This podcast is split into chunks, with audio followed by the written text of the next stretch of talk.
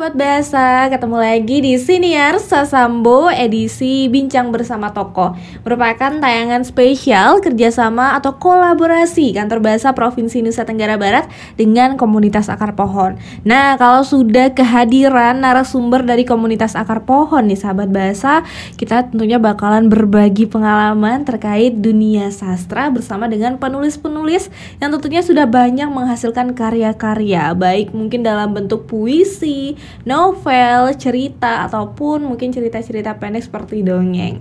Spesial hari ini kita sudah kedatangan seorang perempuan inspiratif yang beliau juga merupakan uh, ibu rumah tangga. Selain itu juga punya pekerjaan di salah satu instansi atau dinas di Provinsi Nusa Tenggara Barat tapi tetap saja masih rajin menghasilkan karya-karya sastra yang tentunya ini merupakan ide kreatif yang bisa dibaca oleh sahabat bahasa.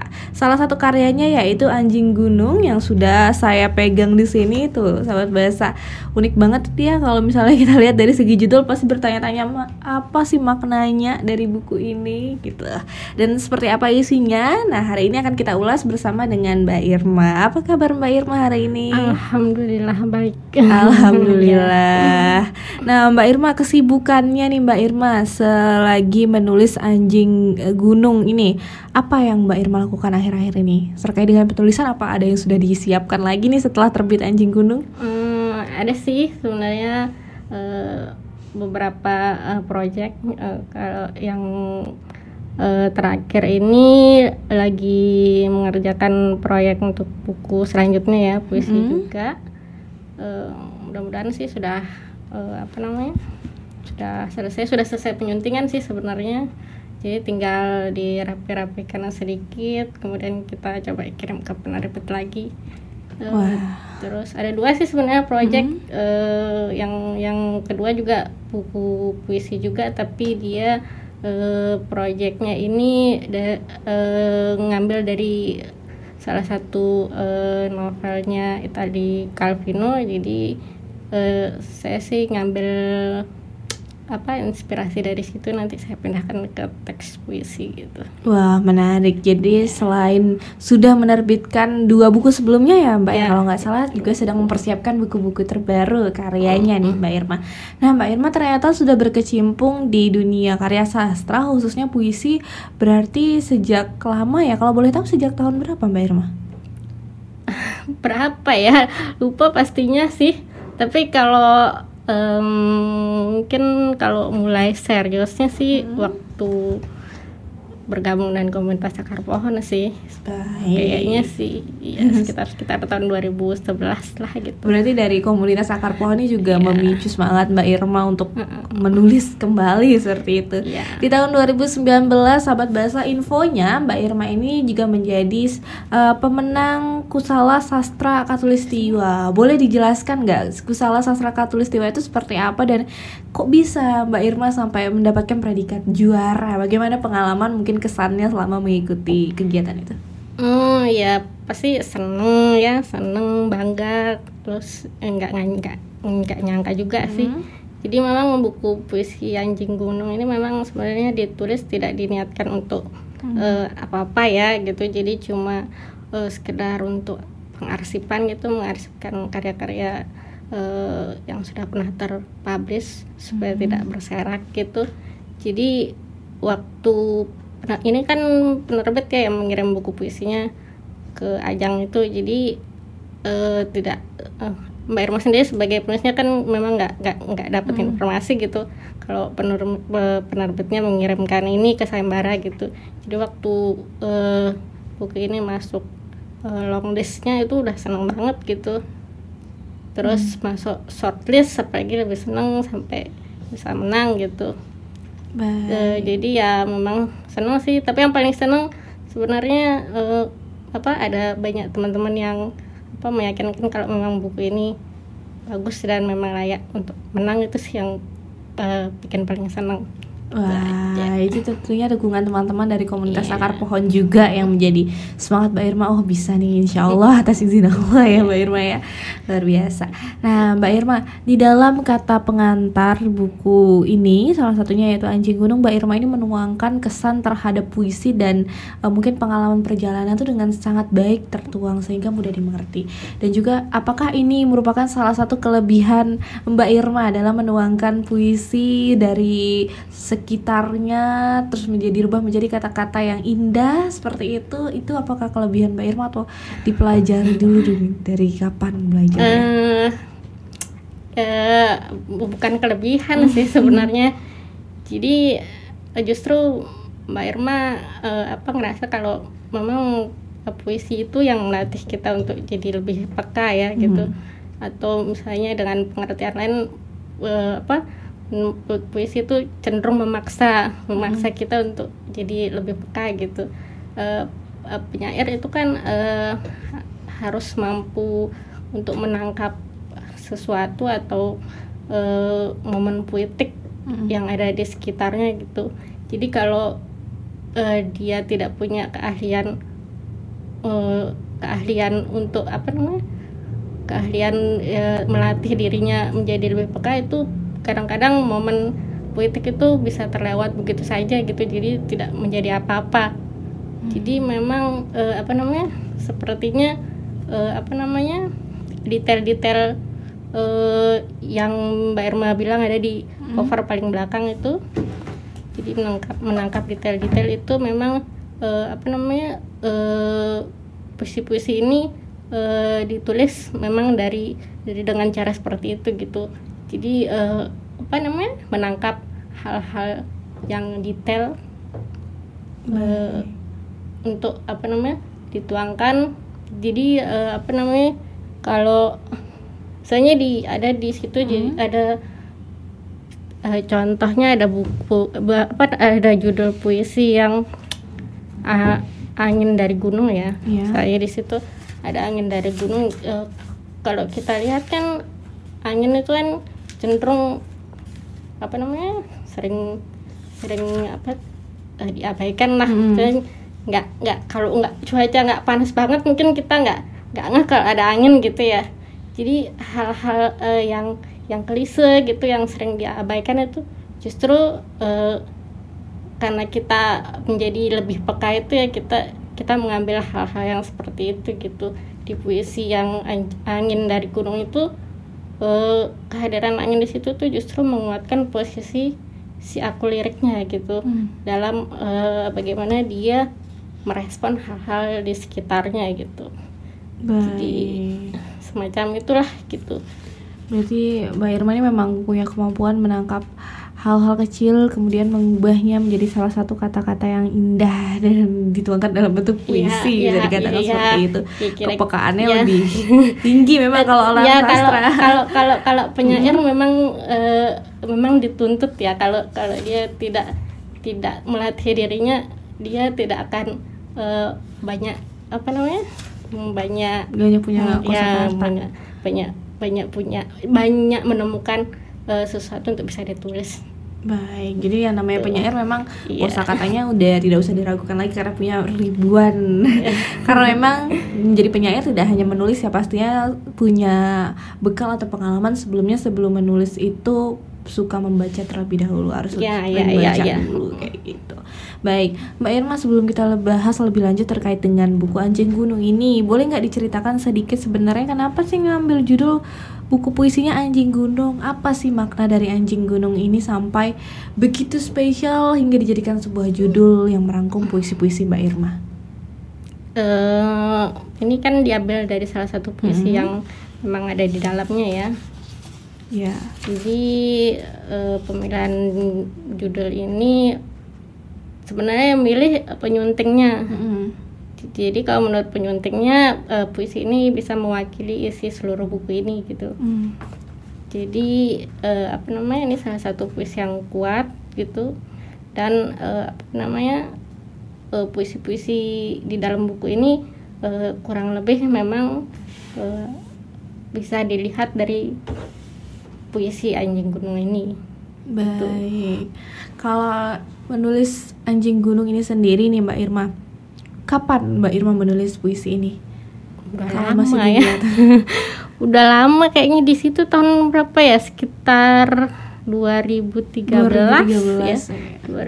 2013 sih. Jadi memang ini buku ini kumpulan dari puisi-puisi lama ya. Ada yang baru, ada yang lama, tapi memang di, di, di- disusun dengan eh, apa namanya diambil puisi-puisi yang nafasnya sama gitu supaya eh, apa namanya bisa bisa menjadi utuh sebagai satu buku. Jadi eh, kan banyak ya buku puisi yang campur-campur isinya gitu ya. Eh, kalau kalau kalau menurut eh, Mbak Irma sih eh, penyuntingnya juga sih merasa itu tidak akan menghasilkan buku yang bagus gitu kalau semua dicampur aduk. Jadi memang eh, ini sengaja dipilih puisi-puisi yang eh, kalau kita sebut nafasnya sama gitu supaya bisa menjadi buku yang utuh. Nah, berbicara tentang puisi, puisi yang dalam satu buku ini punya nafas yang sama nih Mbak Irma ya. Kadang ada beberapa juga narasumber dari komunitas akar pohon yang mungkin membawa puisinya ke sini, kemudian diceritakan oh ini ternyata latar belakang pendidikan saya yang membawa saya ke Jerman kalau nggak salah pada saat itu. Terus juga ada beberapa yang latar belakang menulis puisinya ini karena ini puisinya umumnya tentang keluarga, tentang rumah tangga segala macam. Nah, kalau misalnya Mbak Irma sendiri nafas yang sama itu kira-kira latar apa yang tergambar di benak Mbak Irma untuk menggambarkan puisi-puisi ini?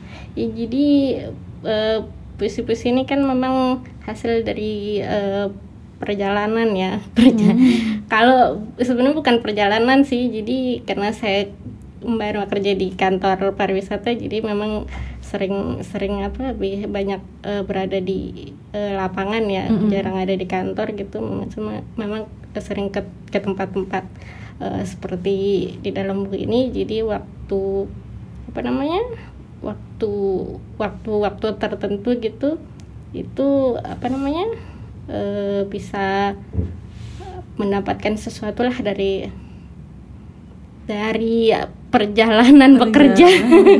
Perjalanan bekerja itu gitu. jadi memang eh, kita kan menulis eh, tentang apa apa yang dekat dengan kita ya. Jadi karena memang ini ini sudah sudah hampir setiap hari gitu ya tempat-tempat ini didatangi itu lebih dari sekali lebih dari dua kali gitu.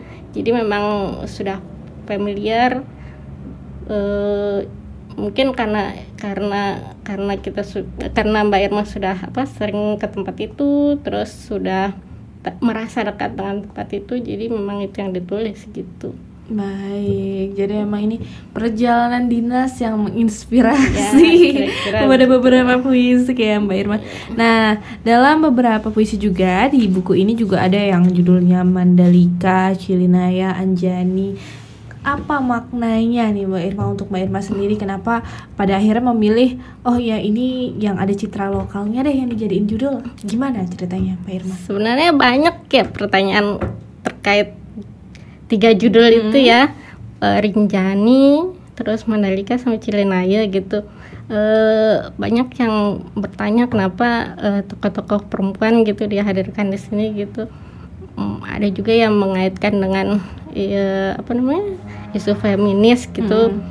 Tapi sebenarnya sih eh, apa namanya waktu memilih menulis tokoh-tokoh perempuan itu eh, mm, nggak ada sih sampai kepikiran eh, ke soal-soal feminis atau se- semacam itu ya. Tapi eh, apa namanya semata-mata sebenarnya karena Mbak Irma sendiri perempuan gitu ya jadi merasa akan lebih luas eh, menyelami bisa menyelami perasaan dan pikiran si tokoh-tokoh perempuan itu gitu. Kalau kalau Mbak Irma ngambil tokoh laki-laki itu pasti ada benturan-benturan gitu. Ini kayaknya bukan gini deh kalau perasaan laki-laki gitu. Jadi kalau kita nulis tentang perempuan itu pasti lebih leluasa gitu karena kita tahu gitu. Jadi kurang lebih itu sih sebenarnya. Tapi kalau kalau ada penafsiran yang lain sih nggak apa-apa. Eh, ya alasannya sih itu aja sih sebenarnya supaya tidak ada kesalahan-kesalahan dalam dalam penafsiran terhadap perempuan karena kita juga perempuan gitu. Baik, jadi memang karena Mbak Irma perempuan jadi menulis Iya. sosok perempuan itu lebih luas Iya. daripada untuk kalau misalnya mengambil tokoh Arjuna Iya, seperti itu ya gitu. Mandalika lebih pas sepertinya. Nah Mbak Irma pastinya kalau misalnya menulis puisi nih Mbak Irma sebelum mulai karir di bidang penulisan pasti Mbak Irma terinspirasi oleh sosok penulis senior sebelumnya yang mungkin menghasilkan karya-karya juga yang Mbak Irma sering baca. Kalau Mbak Irma sendiri nih yang menjadi panutan eh, tokoh inspirasi atau inspiratif bagi Mbak Irma itu siapa sih dalam bidang karya sastra ini? Hmm, kalau di buku ini kan memang Mbak Irma tulis eh, puisi-puisi di sini tidak lepas dari keterpengaruhan Sindu Putra ya. Hmm. Jadi memang eh, apa namanya eh, salah satu eh, penyair yang sering Mbak Irma baca memang buku-bukunya Sindu Putra gitu sampai sekarang juga eh, puisi-puisinya eh, masih berulang kali dibaca. Jadi memang Mbak Irma kira Sindu Putra eh, memberi banyak pengaruh terhadap puisi-puisi Mbak Irma eh, di di samping Sindu Putra banyak sih sama seperti penyair lain mungkin se- senang Gunawan Muhammad gitu. Sebenarnya eh, senang membaca yang apa eh, gayanya berbeda-beda gitu. Penyair yang berbeda-beda aja semua dibaca. Kayak Nirwan Dewanto itu juga punya gaya yang berbeda sekali jadi dibaca. Afrizal juga punya gaya yang berbeda sekali itu juga sering eh, dibaca berulang-ulang bukunya Baik. Nah, Mbak Irma kan bekerja nih di bidang pariwisata di pemerintah provinsi NTB. Nah, Mbak Irma ketika Mbak bekerja dan juga menulis karya-karya puisi, gimana sih cara membagi waktunya? Karena kadang kan kalau udah bekerja nih Mbak, sampai rumah pulang ngantuk kalau mau mikir lagi yang inspiratif, inspiratif tuh kayaknya mentok aja gitu. Tapi Mbak Irma masih bisa berkarya. Gimana sih caranya Mbak bisa balance atau uh, bisa saling mendukung kedua ini antara hobi dan juga pekerjaan. Eh, iya bener sih tapi eh, karena yang pertama itu satu disiplin mungkin ya Mhm. disiplin terus yang kedua itu apa sih eh, eh, ke- memang keinginan ya kalau kadang kalau orang yang sudah lama menulis itu terus kalau tiba-tiba eh, berhenti ada jeda waktu tidak menulis lama itu kadang-kadang malah justru apa namanya ada kegelisahan Mhm. gitu di dalam dirinya jadi karena eh, eh, apa namanya ya eh, di samping itu sebenarnya eh, apa sih semacam oh, bukan healing sih tapi eh, eh, sebuah dunia eh sebuah dunia yang lain yang memang butuh untuk dimasuki gitu. Semacam ruang sendiri gitu eh, di luar dari eh, kesibukan-kesibukan tadi. Baik. jadi memang butuh butuh eh, salah satu eh, apa eh, menulis puisi ini salah satu ruang ruang yang lain ya ruang bolak-balik gitu dari keriuhan sebagai makhluk sosial gitu jadi eh, apa namanya menulis ini eh, tidak bisa dihilangkan lah gitu jadi Baik. salah satu mm, menjaga eh, supaya tetap apa namanya stabil gitu Iya benar. Seimbang karena seimbang gitu orang-orang punya ini ya. Iya. eh, waktu berkualitasnya masing-masing atau anak zaman sekarang kenalnya me time quality time kalau Mm-mm. orang lain mungkin belanja apa segala macam Iya. kalau Mbak Irma karena memang jiwa seninya tinggi menulis karya sastra khususnya puisi ini menjadi salah satu cara untuk bisa ya tadi Mbak Irma bilang mengambil ruang sendiri untuk Iya. memulihkan lagi energi-energinya Iya, seperti benar itu. sekali. Nah, Mbak Irma harapan ke depannya Mbak Irma untuk buku-buku yang nantinya Mbak Irma akan terbitkan ini seperti apa nih Mbak Irma? Boleh kasih bocoran nantinya mungkin bukunya akan bercerita tentang apa yang akan terbit ini? kalau yang eh, project selanjutnya semoga eh, tahun depan sudah bisa kelar ya itu yang tadi Mbak Irma bilang di depan eh, jadi puisi-puisi yang berasal dari bukunya eh, kota-kota imajiner gitu Mhm. judulnya jadi eh, sebenarnya ada beberapa yang sudah terpublish di di di media eh, tapi masih kurang gitu ya. Jadi nanti mau nambah-nambah lagi supaya uh, bisa cukup banyak untuk diseleksi. Ya bisa jadi satu buku puisi. Jadi nanti rencananya apa namanya teks-teks di dalam buku uh, apa namanya kota-kota imajiner itu uh, di dialih bukan dialihkan ya. Di di di sebagai inilah bahan untuk menjadi teks puisi di buku yang selanjutnya. Amin. Semoga tetap lancar karya-karya Mbak Irma dalam proses penulisan sampai dengan nanti akan terbit ya Mbak Irma ya. Nah Mbak Irma, terakhir nih Mbak Irma mungkin yang ingin saya sampaikan Mbak Irma.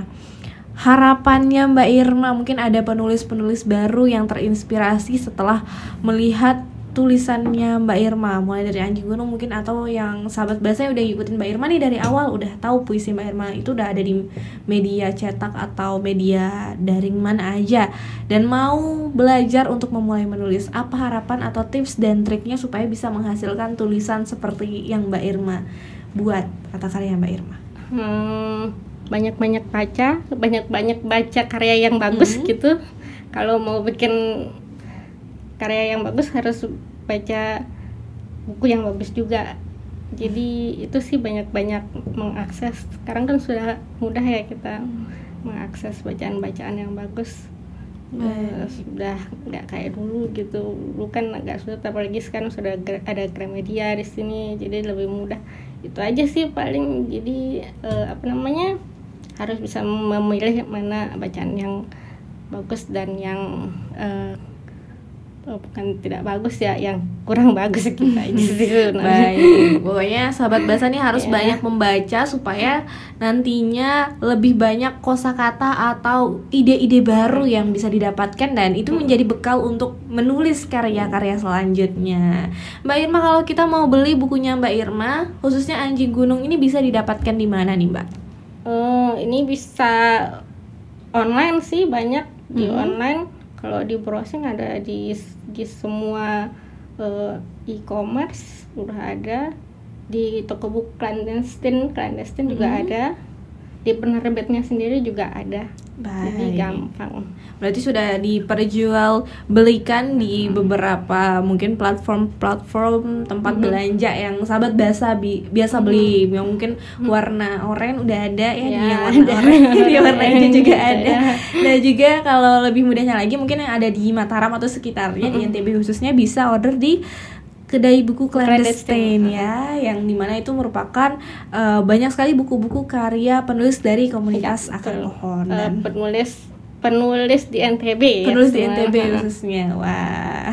Terima kasih ya Mbak Irma sudah membersamai kami. Kami titip salam untuk semua teman-teman dari komunitas akar pohon. Jangan eh, malu-malu uh, untuk datang ke sini hmm. untuk berbagi bersama Rizka dan juga sahabat bahasa di sini Arsa Sambo. Semoga lancar terus Mbak Irma karir amin, amin. dan juga karya-karya sastranya. Amin. Sahabat bahasa sampai di sini dulu perjumpaan kita dalam Siniar Sasambo edisi kolaborasi dengan komunitas akar pohon. Semoga sahabat bahasa bisa mendapatkan hikmah dari perjalanan Mbak Irma yang seorang uh, wanita karir tapi juga rajin menulis karya sastra dan bahkan menerbitkannya. Dan sahabat bahasa juga jangan takut untuk mulai menulis, mulai dari banyak membaca dulu hingga dapat menghasilkan karya-karya sastra yang baik. Baik sahabat bahasa, saya mohon maaf apabila ada kesalahan kata kata. Jangan lupa untuk terus saksikan Siniar Sasambu pada edisi-edisi selanjutnya. Wabillahi taufiq wal hidayah. Wassalamualaikum warahmatullahi wabarakatuh. Sampai jumpa.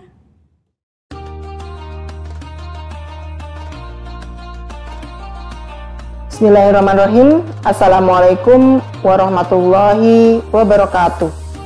Kami, Kantor Bahasa Provinsi Nusa Tenggara Barat, Kementerian Pendidikan, Kebudayaan, Riset dan Teknologi mengucapkan, Marhaban ya Ramadan. Selamat menunaikan ibadah puasa 1443 Hijriah. Mari kita berpuasa dengan hati yang bersih, hati yang ikhlas, supaya kita dapat meraih hakikat puasa sebagaimana yang telah diajarkan oleh Rasulullah Shallallahu Alaihi Wasallam. Kantor Bahasa Provinsi Nusa Tenggara Barat berkinerja, dan berkualitas. Terima kasih. Wassalamualaikum warahmatullahi wabarakatuh.